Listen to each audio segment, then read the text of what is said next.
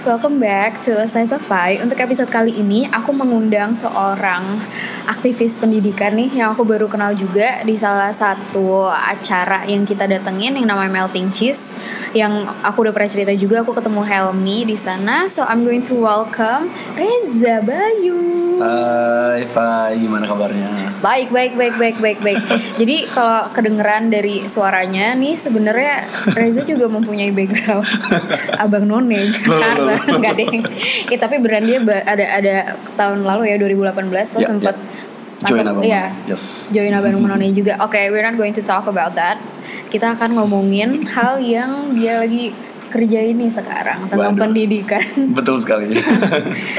agak berat tapi enggak I'm going to keep this very apa ya very laid back maksudnya gue cuma pingin conversation biasa aja dan pingin kayak kasih tahu anak muda itu sebenarnya pendidikan di Indonesia sekarang kayak gimana gitu soalnya kan memang menurut gue pendidikan sekarang tuh udah mulai berkembang ya Ya. apalagi dengan adanya kayak ruang guru Hmm. terus lo dana cita apa segala Ya.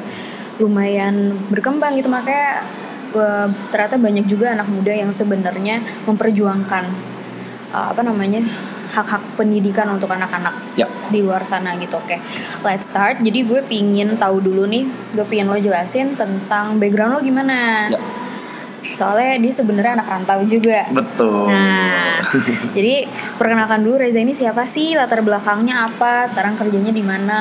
Gitu. Siap, eh, nama gue Reza, Reza Bayu. Um, dan sekarang uh, gue jadi uh, business development lead di salah satu startup juga dan ini berkaitan dengan education financing namanya Dana Cita jadi mereka provide student loan buat anak-anak Indonesia biar bisa ngelanjutin kuliah nih ataupun mungkin pendidikan non formal Hmm. gitu. Dan uh, empat hampir ya empat tahun terakhir ini uh, gue udah bergerak di bidang pendidikan ini gitu. Hmm. gue berusaha mendedikasikan diri gue untuk isu ini gitu. Tapi juga paling nggak gue bisa make a living gitu. Iya. makanya dia karir pertama gue gue uh, dulu join di YCAP atau Yayasan Cinta Anak Bangsa atau YCAP Foundation uh, sebagai program specialist dan kemudian gue move ke Youth Manual itu salah satu startup juga tapi dia um, edtech atau education technology Hmm, dan oke. dia platform persiapan kuliah dan karir gitu. Hmm. Sampai sekarang makanya juga gue ada beberapa project dan lagi berusaha juga untuk ngembangin startup sendiri Oh. dan lagi-lagi bidangnya juga sama-sama pendidikan. Nice. Nah, kayaknya gara-gara lo udah pernah bekerja ataupun pernah aktif juga di apa masih di kantor-kantor yang lain dan juga sampai Ya. eh, apa namanya yang tech itu juga makanya lo jadi ada inisiatif pingin bikin sendiri juga kali ya gara-gara itu atau ya gimana? betul banget sih tapi mungkin uh, ide dan inisiatifnya sebenarnya udah lama sih Hmm. apalagi karena background gue sebenarnya uh, dari gue asli sebenarnya dari Kendari uh, Sulawesi Tenggara rantau dulu uh, kuliah rantau kerja juga rantau dan apa ya dari kecil mungkin um, sedikit banyak sudah paham tentang gimana kondisi pendidikan di Indonesia khususnya mereka yang di luar Jawa gitu di Indonesia Timur apalagi gitu makanya dari dulu udah sangat concern dan apa ya punya passion lah di bidang ini gitu Sebenarnya permulaannya itu dari mana sih? hmm. Lo bisa maksudnya mempunyai passion ataupun pingin pasti kan ada semacam ininya kan kayak pencetusnya Trigger. gitu, ya, triggernya. Hmm, Soalnya nggak mungkin tiba-tiba aja kayak oke seru deh bidang pendidikan, Pendidikan, right. gitu. ya kan pasti ada sesuatu yang membuat lo pingin ke sana gitu. Nah itu Hmm. background story-nya gimana tuh? Iya, uh, tadi mungkin lanjutin yang cerita gue kalau gue Hmm. di- anak rantau nih ya Iya. dari Kendari, Sulawesi Tenggara. Jadi dari dari kecil gitu ya, um, apa um, me- mengikuti pendidikan dari Hmm. dari uh, kecil dari SD, SMP, SMA di di Kendari gitu, Hmm. paham betul bahwa um, apa ya kualitas pendidikan di Indonesia khususnya di Indonesia Timur Hmm. ini masih cukup menantang gitu, Hmm. cukup jauh lah dibilang dari kata baik gitu Hmm. karena uh, banyak sih faktornya dari kualitas guru, dari kualitas uh, bahan ajar, Hmm. kurikulum yang mungkin kita juga berganti-ganti terus menerus Hmm. setiap beberapa tahun sehingga um, apa ya banyak hal yang yang yang akhirnya mungkin tidak konsisten atau bahkan tidak relevan dengan yang Hmm. dengan yang dibutuhkan mungkin pada saat ini Hmm. gitu. Karena kan ujungnya pendidikan kan sebenarnya membuat kita untuk akhirnya bisa meningkatkan kualitas hidup kita Betul, gitu kan. betul. Akhirnya kita punya pengalaman, kita akhirnya punya pengetahuan dan akhirnya bisa kerja Iya. dan apa ya uh, banyak hal lah yang mungkin secara tidak hanya technical skill tapi juga social skill gitu yang Hmm, kita bisa benar-benar. dapatkan. Bener. Nah makanya di situlah gue ngerasa kalau um, oke di- zaman dulu gue kalau dari kecil kalau ditanyain punya cita-cita tuh kayaknya rada susah jawabnya gitu. Hmm. Karena kayaknya apa ya terbentuk Ngerti. dengan dengan lingkungan kalau oh kayaknya profesi itu cuma itu itu aja Iya. dan tidak ada pilihan lain. Iya. Apalagi tahu kalau misalnya kita juga kurang mampu misalnya Iya, gitu. gue dan teman-teman gue ngerasain itu. Apalagi keluarga gue yang ada di Wakatobi nih, Hmm. yang lebih terpencil lagi di- dibanding Iya. Kendari gitu. Iya, iya. Di situlah kemudian kayak gue sadar kalau oke kayaknya banyak PR gitu yang perlu dilakukan oleh tidak hanya pemerintah sebenarnya, tapi kita sendiri pun sebenarnya Hmm. Iya, punya peran yang paling banget. penting Benar uh, banget. untuk bisa menyelesaikan permasalahan Iya. ini gitu. Bener banget sih. Dan yang menurut gue yang I, I admire from you Hmm. adalah lo tuh nggak menunggu siapa pun untuk melakukan itu gitu. Mhm. Dan lo kayak oke gue bisa dan gue akan mencoba untuk membantu kondisi ini. Yap, yap.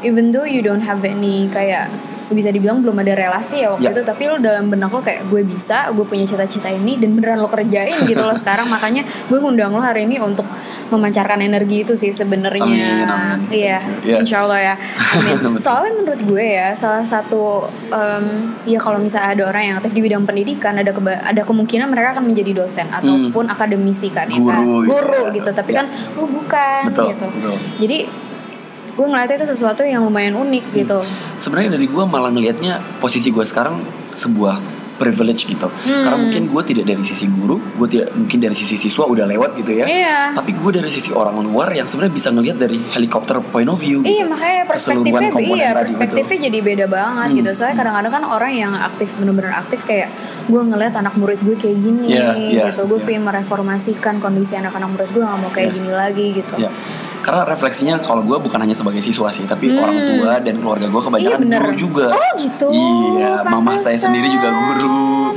nenek, kakek semuanya guru. Oh. Jadi mungkin sedikit banyak mendengar cerita mereka ya tantangan-tantangan yang menghadapi di lapangan itu seperti apa. Oh, gitu. iya, iya, Sehingga gue ngerti, dari ngerti. dari perspektif lain pengen melihat bahwa oke, jadi mungkin PR-nya ada ini ini ini dan ini yang pengen gue selesain. Gitu. Iya ngerti-ngerti banget sih Itu keren sih Maksud gue soalnya kayak yang tadi gue bilang Lo melakukan sesuatu yang sebenarnya kayak Is very hard to do actually Hmm. Nah maksudnya untuk melakukan satu cita-cita tuh emang Ya. perlu Ya kerja keras, Kerja keras, gitu Dan gue sebenarnya pengen tahu deh Opini lo tentang situasi pendidikan Indonesia Hmm. sekarang gitu.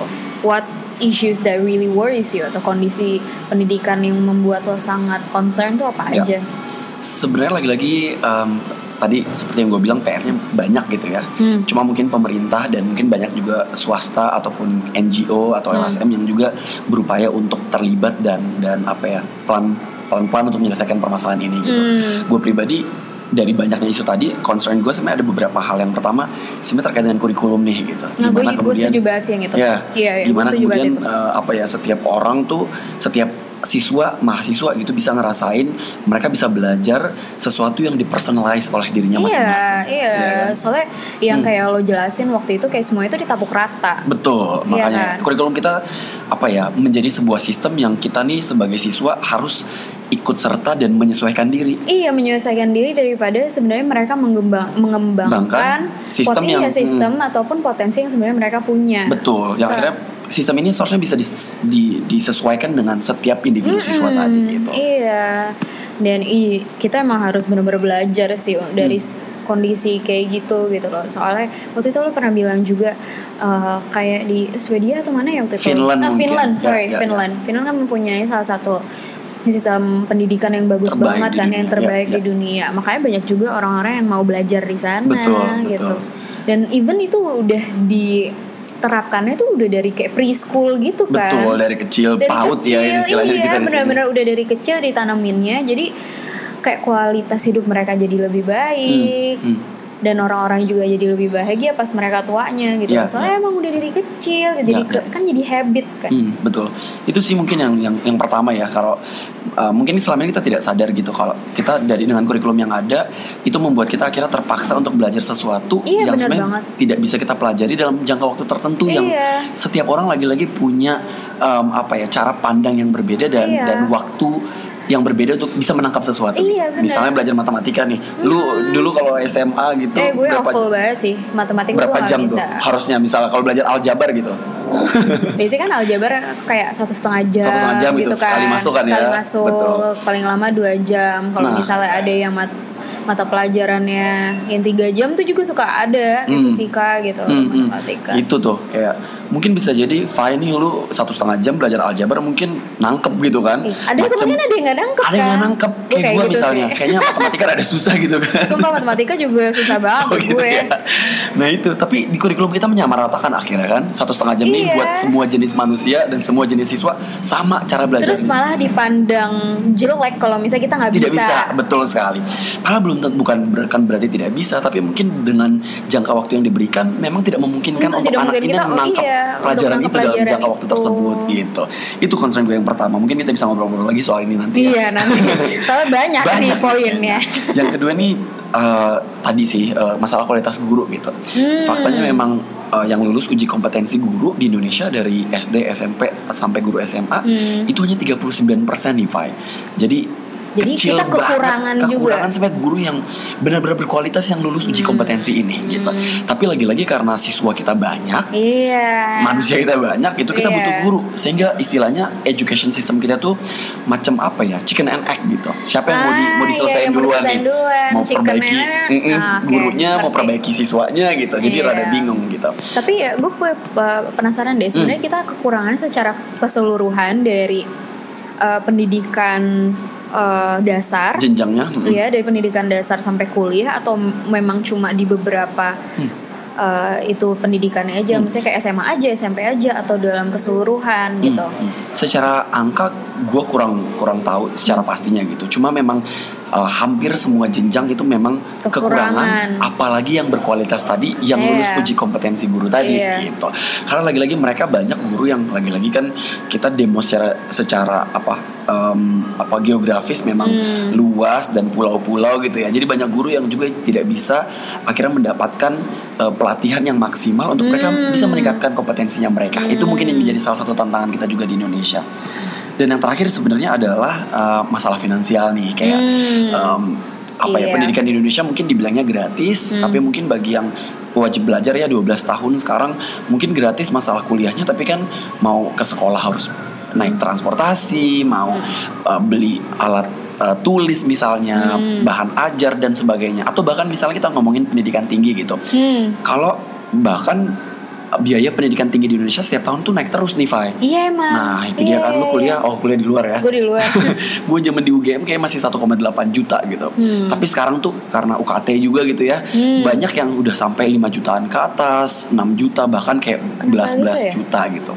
Ya? Nah, lagi-lagi Apakah mereka di- bersaing sebenarnya? ah mungkin karena juga secara kebutuhan mungkin semakin meningkat juga kan Oh, setiap iya, tahun iya, gitu iya, kayak iya. mungkin bahan ajar atau mungkin untuk peningkatan kualitas dosen dan dan fasilitas kampus mungkin Hmm. juga itu sesuatu yang diperlukan gitu.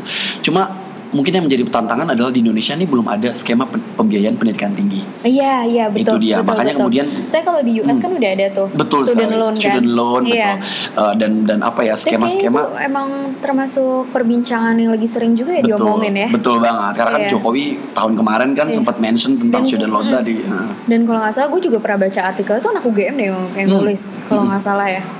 Gue baca di Twitter. Nah makanya gue sekarang kan kerjanya di situ nih sekarang di Dana Ah, Cita iya, iya, ya iya, kan Eh, sebagai salah satu eh, apa ya penyelenggara eh, pembiayaan Hmm, pendidikan tinggi, tinggi. pinjaman pendidikan tinggi di mana kita bantu eh, mahasiswa tadi yang pengen mereka yang pengen kuliah atau yang sudah Hmm. sedang kuliah untuk bisa melanjutkan pendidikan mereka dengan cara kita bayarkan nih biaya kuliah Hmm. mereka ke kampusnya Hmm. tapi mereka bisa mencicil dengan kita per bulan Iya. ya kan kan iya, kalau di iya. Indonesia kan biaya per, biaya kuliah itu per semester tuh per enam Iya, bulan iya, per enam jadi bulan. orang tuanya ditagih berat gitu Berat, kan langsung banyak. langsung banyak gitu Iya. sekarang udah ada dengan mekanisme student loan ini uh, mereka bisa tinggal mencicil per bulan gitu dan dan Hmm. pastinya akan lebih terjangkau itu sih sebenarnya Iya, iya, isu-isu iya. yang menurut gua gua concern makanya gua bergerak di sini dan gue juga mengembangkan project-project dan Hmm. apa ya pengennya sih startup gua sendiri juga ke depannya Keren. No, Tepuk no. tangan dulu kalau kedengeran.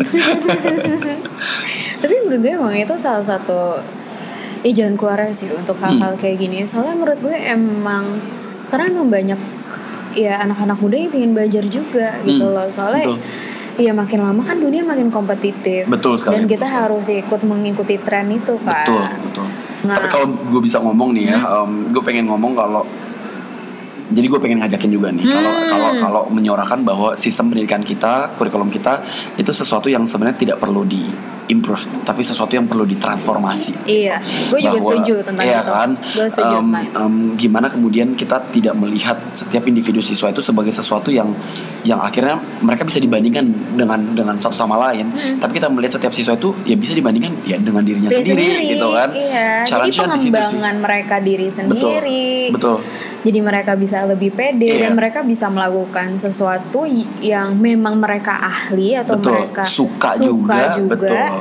Itu kan akan minat dan mampu itu wajib sih iya, dua-duanya minat dan mampu. Jadi Iya. iya kualitas pekerjaan mereka, kualitas hidup mereka Ke depannya juga akan lebih baik. betul betul itu yang selalu gue pengen bilang sih kalau education system uh, education is not about um, testing kalau di Indonesia kan testing but it's actually about learning and teaching right Iya. sesimpel itu sih Soalnya gue sebenarnya inget banget yang lo bilang bahwa ya sekarang kita ujian ya kayak UN apa segala itu kan sangat kayak ngeboxin Iya. ngebox banget. betul betul Ngebox Ntar banget. nggak lulus UN berarti lu Ya lo bego bilang kayak iya yang lo bilang kayak kita source kayak cuma ngehafalin doang. Iya betul betul dan akhirnya ada ketimpangan antara mata pelajaran juga Iya. nggak sadar nggak sadar nih pasti kayak matematika akan lebih bagus mungkin daripada seni budaya gitu Iya. ya kan Padahal ya nggak juga kalau memang dia cinta dan memang suka dan Iya. mampu dengan seni budaya ya kenapa enggak gitu ke depannya harusnya sih kalau ada ujian gue pengen propose ada ujian seni budaya juga ya kenapa enggak gitu. Iya, sesuai dengan iya, kompetensi iya, dan sesuai kompetensi, minat mereka masing-masing Minat masing-masing. Soalnya menurut gue kayak sekarang tuh dan ini menurut gue secara psikis juga mempengaruhi kita Betul. ya sebagai murid. Soalnya gue tuh dari dulu selalu ngerasa de, eh enggak sih maksudnya gue baru ngerasa sekarang Hmm. after looking back dari gue SD SMP dan SMA Hmm. bahwa kita tuh kayak semacam di suatu race ataupun Hmm. di suatu kayak perlombaan di mana gue harus nomor satu gitu Hmm, gue harus hmm. selalu nomor satu on top of everybody Iya, iya. dan gue harus jago di matematika dan gue Iya. kalau misalnya masuk IPA tuh kelihatan anak yang bener lebih banget ini bener pintar banget ini bener Iya banget kan kalau gue anak IPA gue pasti kayak kelihatan lebih pintar lebih kayak Keren lah pokoknya, lebih iya, keren dan kalau misalnya lo nggak masuk ke dokteran lo kayak Iya. eh lo nggak masuk ke dokteran sih gini gini Iya. gini terus kayak maksudnya that is wrong Iya, maksudnya agree. kayak sampai maksudnya sampai sekarang pun gue juga ngerasa dari gue sendiri dan juga orang-orang lain tuh kayak it's a very hard uh, kebiasaan yang Hmm, bisa yang ha- harus ya ditinggalkan itu gitu. pandangan-pandangan yang yang udah salah sih makanya dan dan perlu kita ubah sih makanya Oh ya harus kita ubah dan gue juga sampai sekarang tuh har- kayak harus pelan-pelan banget untuk tidak merasakan itu Hmm, ataupun hmm. tidak ngerasa kayak I'm in a constant race to be on the Hmm. top atau to be the best Hmm. dari orang, Orang lain. lain, Hmm. gitu. Soalnya pasti ada porsinya masing-masing dan betul. kita harus belajar bahwa ya lo harus bangga dengan kerja keras yang udah lo betul, lakuin betul. Lagi-lagi kayak gitu. kedokteran itu tidak lebih bagus kok daripada hukum misalnya. Iya. Kedokteran atau mungkin apa ya kimia fisika tidak lebih bagus mungkin daripada muatan lokal let's say gitu. Iya, Karena lagi-lagi itu tergantung seni atau arts Betul gitu. sekali. Itu tergantung dengan diri lu sendiri sebenarnya. Kayak apakah lu mi- minat di situ, apakah lu mampu di situ. It's a question for yourself sebenarnya kan. Iya. Dan itu yang menentukan bukan orang lain yang akhirnya um, karena dia kedokteran lantaran dia lebih bagus daripada lu karena lu misalnya ngambil ekonomi misalnya pada saat kuliah. That's Iya. that's uh, Soalnya ya wrong gitu. Ha, soalnya to be honest ya, gue tahun lalu tuh depresi gara-gara Hmm. gue tidak bisa uh, mencapai ekspektasi yang gue kira gue bisa. Hmm, hmm, Soalnya uh, maksudnya kayak gue punya goal sendiri untuk Right. mencapai sesuatu Iya, tahun lalu, iya. tapi ternyata gue tidak bisa mencapai, itu. Hmm. Pas sudah akhir-akhir bulan Di akhir dua, tahun? iya di akhir tahun gue kayak gue breakdown gue bener-bener breakdown Wow. soalnya gue nggak bisa mencapai itu semua soalnya Hmm. gue baru sadar bahwa ya secara psikis gue secara otak gue itu udah dilatih dari kecil tuh kayak gitu, Kayak gitu. Ya ya ya ya. dan gue soalnya, soalnya gue tipe-tipe yang emang I have to get straight A's Right, right. So I have to and- ambitious Right. dan gue emang kalau ya kalau di sekolah kan ya lo belajar lo dapat nilai bagus ya udah hasilnya Yeah. kelihatan kan kayak oke gue ekspektasi gue kerja keras kayak gini gue belajar kayak gini gue udah langsung dapat 100 atau 98 lah gitu Hmm, hmm, hmm. dan gue emang tipe-tipe yang gue bangga gitu kalau gue naik panggung dan Hmm, gue expect gue naik panggung dan gue beneran naik panggung tapi Right. ternyata reality checks in bahwa it's not always like that True. pas kerja Betul betul. Itu beda sih. makanya gue langsung kayak ya gue harus merubah maksudnya Hmm. pikiran gue yang kayak gitu Betul, gitu betul, betul. dan just appreciate aja gitu loh dan dan mungkin semua learning from the prosesnya mistakes gitu kan at least Iya. mungkin kita belajar dan we've been through uh, those processes gitu kan Iya, sebenarnya iya. nggak it's not it- nggak hanya berkaitan dengan resultnya aja sih ini terkait dengan proses iya dan terkait dengan proses ya makanya sekarang gue kayak ya udahlah emang Hmm. harus jalaninnya kayak gitu nah makanya gue takut banget untuk generasi selanjutnya kalau misalnya mereka harus ngelewatin kayak gitu juga Mhm. Iya, iya. mereka harus tahu dari awal bahwa kayak ya, ya, ya kayak gitulah kehidupan Betul banget. nggak semuanya di sugar coated dan semuanya bisa Agree. lo achieve gitu oke Right. ini udah agak menjauh dari topik ya oke nah eh nah oke wait next question ya gue penasaran nih soalnya kita udah tackle masalah psikis dan lainnya juga. Ya. Dan menurut gue critical critical thinking it's a big part of Yes. our lives ya. Nah untuk pendengar podcast ini yang masih kuliah atau duduk di bangku SMA Mhm. gimana sih caranya menurut lo supaya mereka bisa berpikir lebih kritis ataupun berpikir lebih maju ya daripada pelajaran yang mereka sudah pelajarin di dalam kelas ya gitu. ya. Dan Iya dan juga pemikiran kita dan pemikiran mereka terhadap edukasi itu sendiri yang sebenarnya mereka lagi pelajarin gitu. Ya. Menurut lo gimana? Betul. Um, ini sih yang sebenarnya menarik gitu bahwa eh, memang tidak semua orang, maksudnya di, di luar despite dari kondisi education system kita yang seperti ini, Hmm. kurikulum seperti ini, sebenarnya kita pribadi lagi-lagi punya peran masing-masing. Iya. Khususnya bukan buat orang lain, tapi buat diri kita sendiri sebenarnya. Mm-mm. Caranya simpel banget sih sebenarnya, take initiative sebenarnya, Hmm. bahwa kita paling nggak bisa apa ya keluar dari comfort zone kita Gitu tuh. being uncomfortable kadang lebih Betul. bagus daripada being comfortable sebenarnya jadi kayak kita sebenarnya di luar dari tadi seperti yang lu bilang ya di luar dari pelajaran itu lo pelajarin teknologi membantu kita banyak sih sebenarnya Hmm. Iya. internet gadget itu sesuatu yang bisa banget kita manfaatin sebenarnya kan Iya. jadi makanya kita bisa belajar apa yang mencari materi di luar dari itu dan dan sadar yang paling penting sih ini apalagi yang bagi kalian yang masih SMA ya di luar Hmm. sana ataupun yang lagi kuliah boleh juga sih Eh, bener-bener cari apa yang menurut kalian kalian minat dan apa Interesting gitu ya. betul sekali Eh, dan apa yang membuat kalian bener-bener kalian mampu di situ Hmm. dan ini harus seimbang kadang kita minat tapi kita nggak mampu, mampu.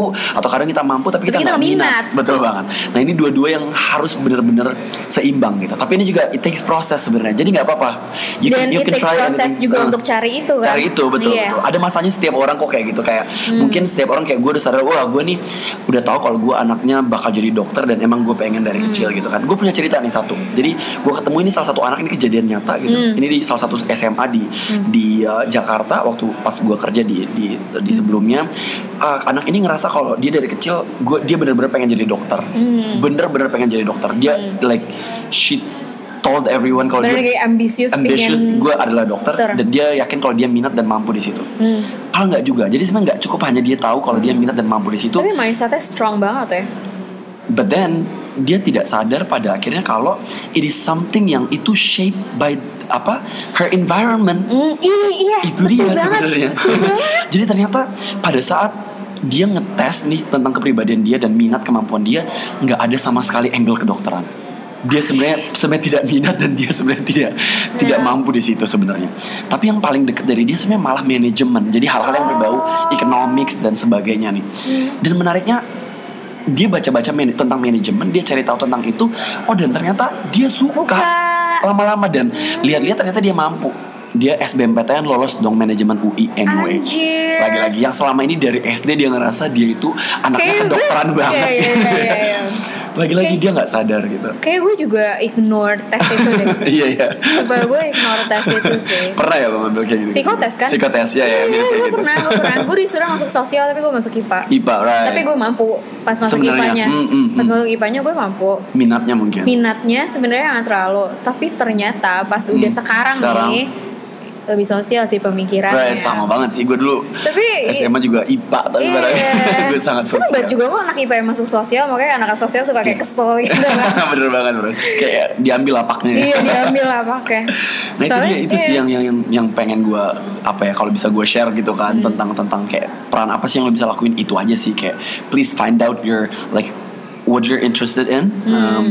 dan what you're capable of gitu kan jadi itu yang kemudian bisa combine dan sadar kalau dan kalian harus sadar bahwa itu dua penting dan pastiin kalau itu benar-benar tentang diri lu dan bukan tentang orang lain. Iya benar. Iya kan? Soalnya it's very hard to isolate your thoughts Yes. in the middle of a very noisy environment Hmm, gitu loh. yeah. Apalagi orang tua kadang-kadang ya. Betul, betul, betul. Soalnya gue kan pernah diundang sama sekolah gue dulu pas Yeah. SMA untuk memberikan kayak talk Sharing. gitu ya, Hmm. sharing aja ke anak-anak SMP malah kelas SMP. 3. Soalnya mereka harus ambil jurusan kan. Betul IPA, dari sekarang nah itu iya. sistem baru juga tuh. Harus dari sekarang udah di kelas Dari kelas 1 satu SMA. SMA. Betul. Terus kayak gue mencoba untuk soalnya kadang-kadang kan kalau kita kasih talk kita cuma ngomong doang gitu. Gue coba interaktif sama mereka, soalnya gue penasaran dalam pikiran mereka kayak gimana sih. Terus ada Hmm. salah satu anak nanya gini, "Eh, kak, what do you do kalau misalnya orang tua kita kayak pingin kita masuk ini, padahal sebenarnya aku pinginnya masuk arts atau masuk sosial gitu. Kalau kayak gitu gimana ya? Terus pertanyaan yang lain, kan aku juga selalu kasih saran Yeah. kayak do what you love, maksudnya pilih sesuatu yang kamu suka. Kalau nggak, kalau kamu nggak suka, ya pointless aja, bakal makin sengsara Betul, gitu. betul. Terus ada yang nanya, tapi kalau misalnya I really don't know what I like, gimana kak cara cari passionnya gimana gitu?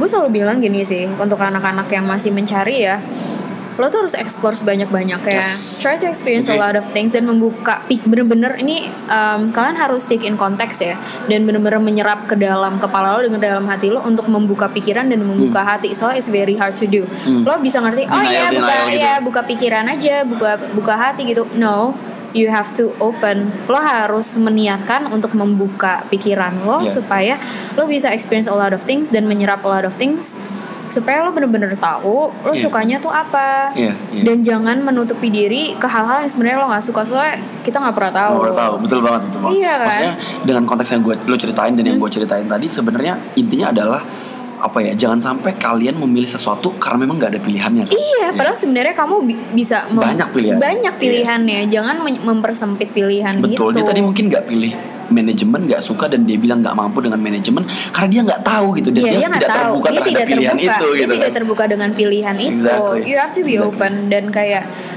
you have to make your glass empty. Mhm, betul. Jangan lo penuh-penuhin karena lo ngerasa lo pintar Hmm, gitu. hmm. No, no, dan no, udah no. tahu kalau ini bener-bener gue ini padahal belum tentu juga. Iya, ya the kan? smartest people are the most humble dan yang paling terbuka pikirannya. True. Try to be smart, ya. Oke, lanjut.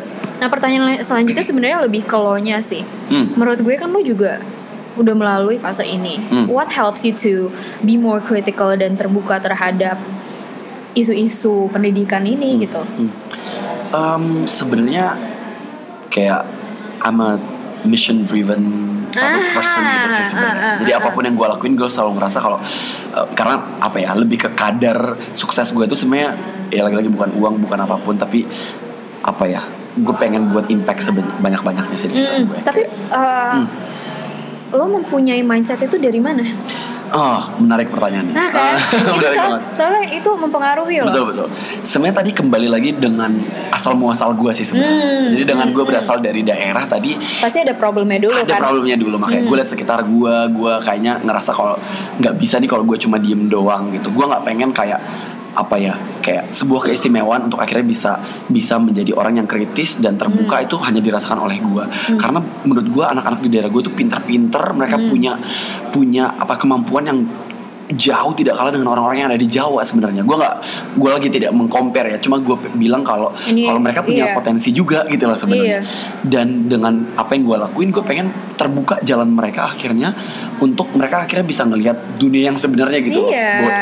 Tidak hanya misalnya kalau gue ngomongin konteksnya Wakatobi tidak hanya tentang laut tidak hanya tentang Iya. mereka bisa jadi nelayan berkebun bukan berarti itu tidak bagus ya tapi jangan sampai itu bukan sesuatu yang mereka inginkan gitu Iya. itu yang itu yang yang ya kita kan nggak tahu ternyata ada teknologi baru yang bisa membantu para nelayan. nelayan betul banget ternyata ada salah satu calon presiden ternyata anak Dari dari? Wakatobi no one knows ya kan knows. ternyata astronot dari sana gitu Iya. exactly makanya gue Makanya kasihan banget kalau misalnya nggak dikasih, dikasih chance, dan Iya, opportunity, tadi. opportunity. Nah, kadang ya kesempatan dan rezeki kita berada di orang lain. Nah, gue Hmm. ngerasa kayaknya gue menjadi orang yang punya tanggung jawab moral karena itu daerah gue juga, gue berasal dari sana, kayak gue harus lakuin sesuatu sih gitu. Hmm. Apalagi sejak gue kuliah, gue punya kesempatan untuk bisa kuliah merantau gitu kan, Iya. makanya pikiran gue lebih lebih Lu udah ke mana-mana ya kuliah beda Eh malah jadi Apno Jakarta pengen berbakti buat Jakarta juga nih. Halo Iya gitu sih. sih. Ya, pengen Iya. pengen pengen bikin impact yang sebanyak-banyaknya sih tadi. Nah jadi sebenarnya salah satu advice juga yang bisa gue kasih ya Hmm. tentang mencari mission ataupun soalnya menurut gue ya ada banyak anak muda yang sebenarnya pingin juga kasih impact Hmm. tapi mereka nggak tahu harus ngapain. Itu. Nah kalau misalnya kalian mempunyai pikiran yang sama kayak gitu, coba mencari masalah yang ada di ini lo apa kayak surroundings lo atau Sekitar, environment betul. sekitar lo gitu. Hmm. Dan jangan berhenti sebelum lo menemukan itu. Hmm. Gue menemukan ini aja dari problem gue sendiri. Maksudnya Right. gue menemukan podcast, ini Podcast juga ini dari menarik. dari podcast ada dari permasalahan gue sendiri. Makanya gue bisa ngobrol dengan Ya. banyak orang gitu. Coba start small. We never know it can turn big gitu. Betul betul. Dan lagi-lagi kita nggak pernah mulai tuh karena kita ngerasa kayaknya kayaknya apa yang kita lakuin nanti nggak signifikan deh. signifikan. Selalu kayak gitu deh pikirannya. kayak- oh, hey, come on gitu. apa pun yang lo on. lakuin sekecil apa pun, Iya. it affects, it it gives tremendous impacts sebenarnya terhadap Iya. sekitar kita gitu. Dan kayak it doesn't matter how kayak kelihatan kelihatannya kayak gimana. Mana? Ha, ha, ha. Soalnya what really matters is actually kayak orang yang mendapatkan impact itu sih sebenarnya. Setuju banget. Iya kan? Nah, ini sekarang tentang edukasi di Hmm. luar provinsi Ya. Jakarta nih. Ya ya. ya. Soalnya kan lo pernah, eh, lo juga sering kan keluar keluar kota kota. untuk Hmm, hmm. membantu Dana Citan dan juga eh, membantu anak-anak yang di Wakatobi kan yang Ya, waktu ya. itu lo ceritain. Gue sebenarnya pengen tahu aja sih sebenarnya kondisi pendidikan di luar sana tuh kayak gimana sih. Ya. So to be honest ya, Hmm. orang yang tinggal di Jakarta tuh sebenarnya kadang-kadang nggak tahu loh. Hmm, kondisi di luar sana. Ini keluar di luar sana Iya, kayak iya. gimana gitu. Jadi Iya. gue pingin listeners di sini juga harus tahu gitu sebenarnya kayak gimana dan be- harusnya bersyukur gitu dengan kondisi pendidikan yang sebenarnya kita punya. Hmm, hmm, hmm. Ah, itu dia tadi sih ini menjadi salah satu tadi masalah juga sih terhadap pendidikan kita. Memang kondisinya di luar Jakarta khususnya Jawa gitu ya. Hmm, Memang Jawa masih sih, iya. masih cukup memprihatinkan gitu. Kayak gue udah ke Kalimantan, Sumatera, Sulawesi gitu. Anjir, gila dan sih. Dan di kota-kota ini dan di provinsi-provinsi ini memang nyata bagaimana kualitas pendidikan Indonesia yang sebenarnya. Nah itu. Itu dia sih. Itu. Bahwa lagi-lagi em, ini bukan hanya tentang fasilitas, ini tidak hanya tentang kurikulum, tapi akses tadi sih sebenarnya yang paling yang paling apa ya dibutuhkan oleh mereka gitu.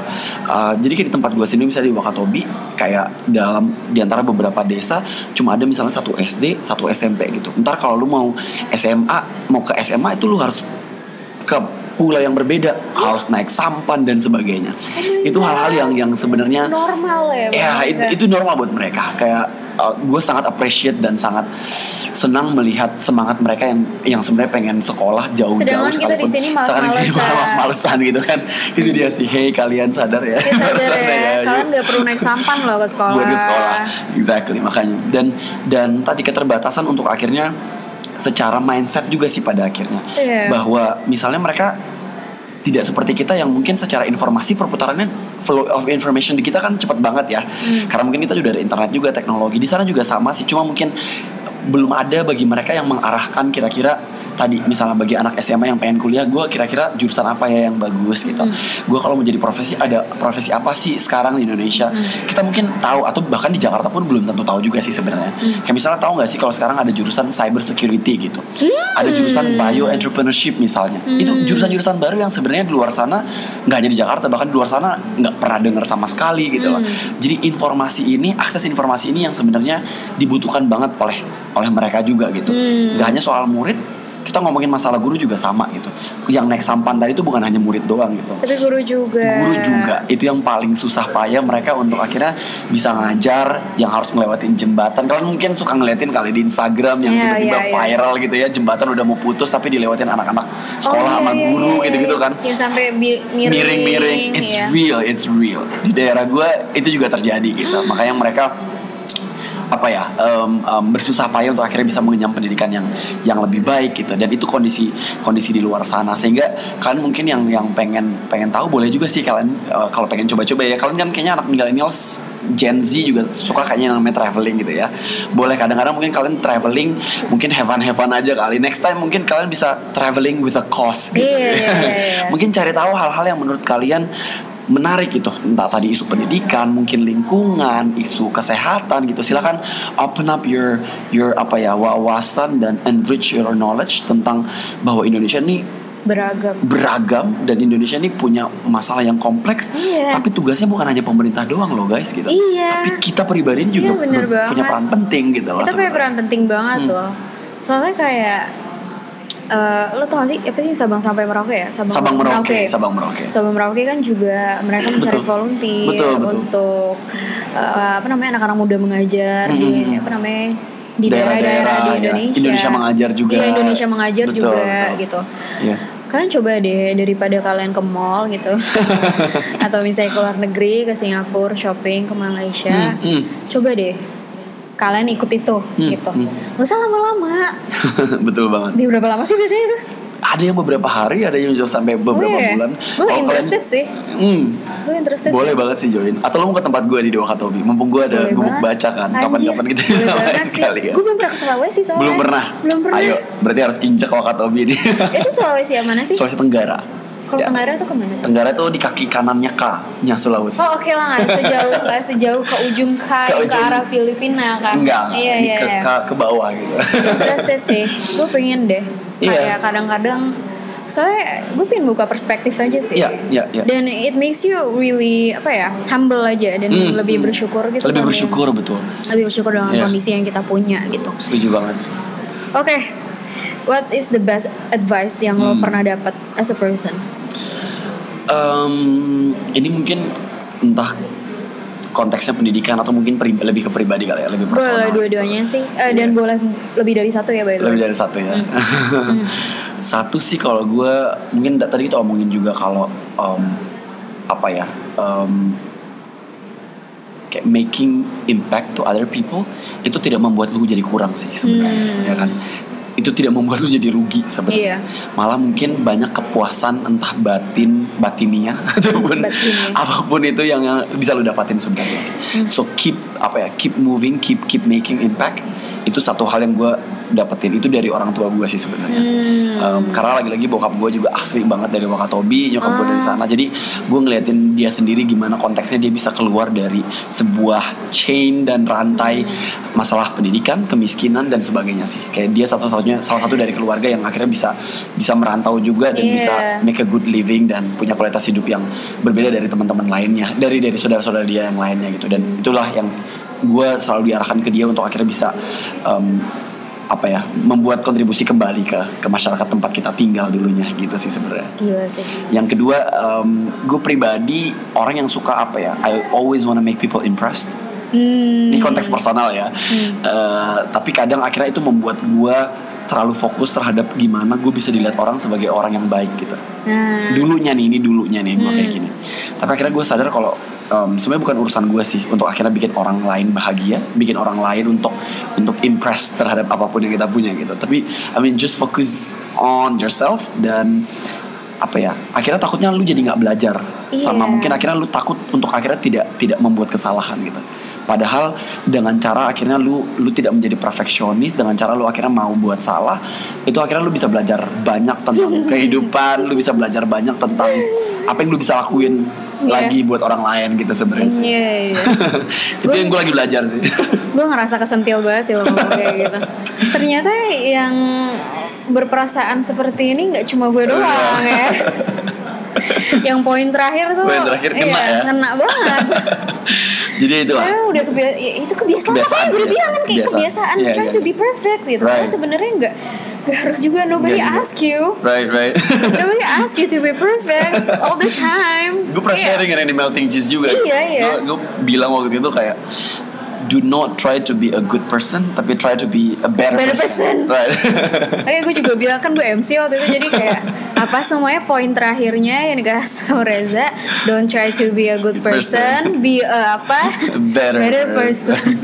takutnya kita kayak cepet puas gak sih kayak kita dibilang eh lu ini ya keren banget ya lo gini gini Iya, terus kayak stop. puas udah gitu Iya. aja standar kita kayak segitu doang gitu iya, jadi Nggak kita nggak improve malah. nggak ya. improve malah dan nggak belajar gitu Saya tuh kayak- kayaknya itu yang gue rasain pas selama gue dari SD sampai Hmm, SMA sih. hmm. Even Di-drive even even, even ya. sampai kuliah. Soalnya gue ngerasa kayak selalu kayak ada yang kurang gitu. Padahal gue udah achieve many things. Hmm, hmm. dan maksudnya I still have friends. Gue nggak dibully nggak diapa-apain Hmm, tapi gue selalu ngerasa ada yang kurang gitu Yeah, dalam diri gue. Kayak apaan sih? gitu. Apa yang kurang? Jadi malah selalu membandingkan. Bandingkan, nah ya, banding bandingin diri gue sendiri dengan ya my peers Hmm, gitu. Sampai saat ini gue kayak ya udah gue fokus ke diri gue sendiri aja they they have their own time makanya gue bikin Mhm. podcast ini juga sih supaya kalian bisa belajar untuk mencintai diri, Diri sendiri. sendiri. Wow, keren. Tepuk tangan dulu buat Nah, terima kasih. Hai. Terima kasih. Kedengeran ya? Kedengeran. ah, Cool. makanya gue juga ngundangnya kan orang-orang yang sebenarnya udah kalau i- feel that they they understand themselves in a much deeper level gitu, Hmm. dan they can appreciate Amin. themselves gitu. Jadi gue undang lo hari ini. Thank you Nah, pertanyaan terakhir nih, Hmm. lo ada rekomendasi buku nggak? Ataupun YouTube channel, ataupun channel. mungkin artikel atau website ataupun apps, anything that you Hmm. can recommend untuk para pendengar. Para penonton gitu. ya. Udah udah jadi. So Indo kita Tahu lu. tahu lah, suka gue lagu itu. Hmm. Ini pro gue sharing juga deh kayaknya. Iya, gue- Ini buku gue kesukaan pengen baca itu deh. Harus harus harus. I can I can share to you the book. Eh, boleh banget. ada di pasaran. Oke, Tapi ada online. kayak kita next step harus bikin book club kayak Oprah book, ya. book club. Soalnya banyak jadi satu gitu kan. Iya, gue gue waktu itu uh, ya selama yang 2018 Hmm. gue jadiin satu semua referensinya Hmm, hmm. biar pada tahu semua. Iya, tinggal lu sharing kan abis Iya, itu. apa bukunya? Ya, bukunya judulnya itu The End of Average. Jadi Hmm. kayak akhir dari zamannya yang kita sebut dengan rata-rata. Itu ditulis oleh Todd Rose uh, dan dia adalah profesor dari salah satu di, di, di Harvard. um, Hmm. University dan memang itu lagi-lagi tentang kita ngomongin pendidikan tentang diri tentang meningkatkan kualitas hidup itu itu banget sih di konteks karir kayak dunia trennya seperti apa sekarang gitu Hmm. karena di buku itu dia ngajarin kita bahwa sebenarnya kita nggak bisa lagi ngelihat orang lain dengan konsep rata-rata gitu Oh, iya sih. kalau kayak oke gue sama lu karena lu kayak gini gue kayak gini lantas gue lebih pinter lu bego gitu nggak bisa Hmm, lagi nggak bisa, karena iya. bandingan dan takaran terhadap diri kita itu sebenarnya ya diri kita sendiri gitu Hmm. bukan dengan kita dibandingkan dengan dengan orang lain gitu itu buku itu yang yang yang yang bilang kemudian dan dan apa yang menginspirasi gue untuk akhirnya melakukan apa yang gue lakuin sekarang di, Hmm. di isu pendidikan ini gitu akhirnya bahwa pendidikan kita juga tidak bisa dilihat dengan kacamata kuda. Kuda Iya, kan gini kan. betul banget cuma lurus doang Lurus gitu doang. tapi banyak gitu lagi-lagi manusia adalah se- seorang yang individu yang multidimensional jadi Iya. apa ya komponen di dalam diri kita ini banyak banget Dan pernah sadar nggak iya, potensi iya, kita juga besar banget Potensi kita gede banget mungkin sih. kita nggak pernah sadar juga kadang kayak di sekolah misalnya ada teman kita yang tiba-tiba mencuri gitu ya Oh, padahal iya, iya. habis Gua itu kita cap kepo. dia Eh, Iya, iya. sorry, kok klepo. klepto Sorry. Hmm, Ada waktu itu ada yang klepo. ada temen lo Hmm. tapi kita kadang kita ngi- ngirain kayak oke kita ngecap dia seumur hidup sebagai seorang klepto gitu ya paling enggak juga karena manusia tuh ten untuk akhirnya bersikap sesuatu yang berdasarkan lingkungannya Iya. di sekolah mungkin dia klepto tapi di rumah ternyata dia anaknya ngaji TPA gitu kan Iya. dia ternyata bantuin orang tua gitu nggak Iya. bisa kita kemudian melihat kalau oke karena dia klepto lantas dia memang pencuri anaknya nggak baik dia buruk banget sifatnya Iya. nggak bisa sih kayak gitu Iya. Nah itu sebenarnya kayak yang tadi salah satu tujuan gue juga itu adalah untuk membuka perspektif. perspektif hmm. Jangan muluk-muluk soalnya emang kita kan udah terbiasa banget ya untuk ngeliat kayak orang klepto jahat, orang Iya. nggak klepto baik, orang sholat baik, Yang orang nggak iya, gimana, orang ya yang nggak ya yang pakai tato gimana, Iya. boleh umroh atau enggak? Gue kayak kayak meluruskan Iya, mak- maksudnya life is so much meaningful yes daripada kayak gitu doang Hmm. gitu.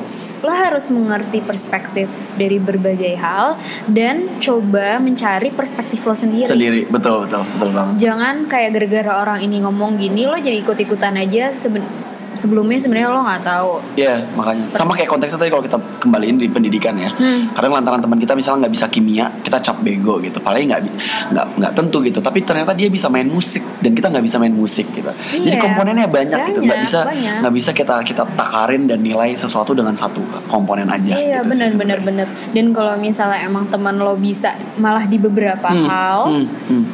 Itu sebenarnya juga jangan dipandang remeh kayak ya dia nggak ngerti sih dia sukanya apaan, apaan gitu. iya iya iya ya. Emang emang dianya seperti itu Iya kan, dianya kayak gitu gitu kayak betul ya udahlah lagi-lagi bandingannya adalah diri kita sendiri diri kita sendiri aja lo fokus ke diri ke diri lo sendiri Hmm. improve apa yang udah bisa Hmm.